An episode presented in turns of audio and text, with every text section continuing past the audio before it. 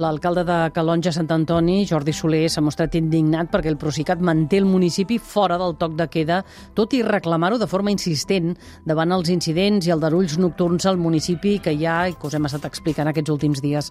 El govern de la Generalitat sí que incorpora Palafrugell dins el llistat amb restriccions nocturnes, mentre que Palamós surt de la llista.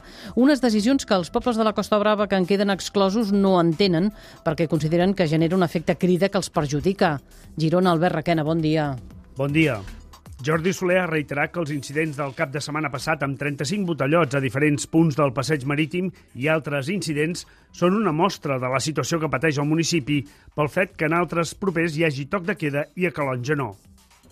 Estic absolutament estupefacte, estic indignat i l'única cosa que em queda és senzillament convidar tots aquests senyors que han decidit que Calonja i Sant Antoni no entrin dintre del confinament a passar un parell de nits a Sant Antoni, veuran el que és, el que significa tot això, que no tinguin cuidado, que de lloc ja en trobarem perquè la gent va abandonant els hotels i els apartaments i que penso que al fi al cap tot això és eh, collonar el personal.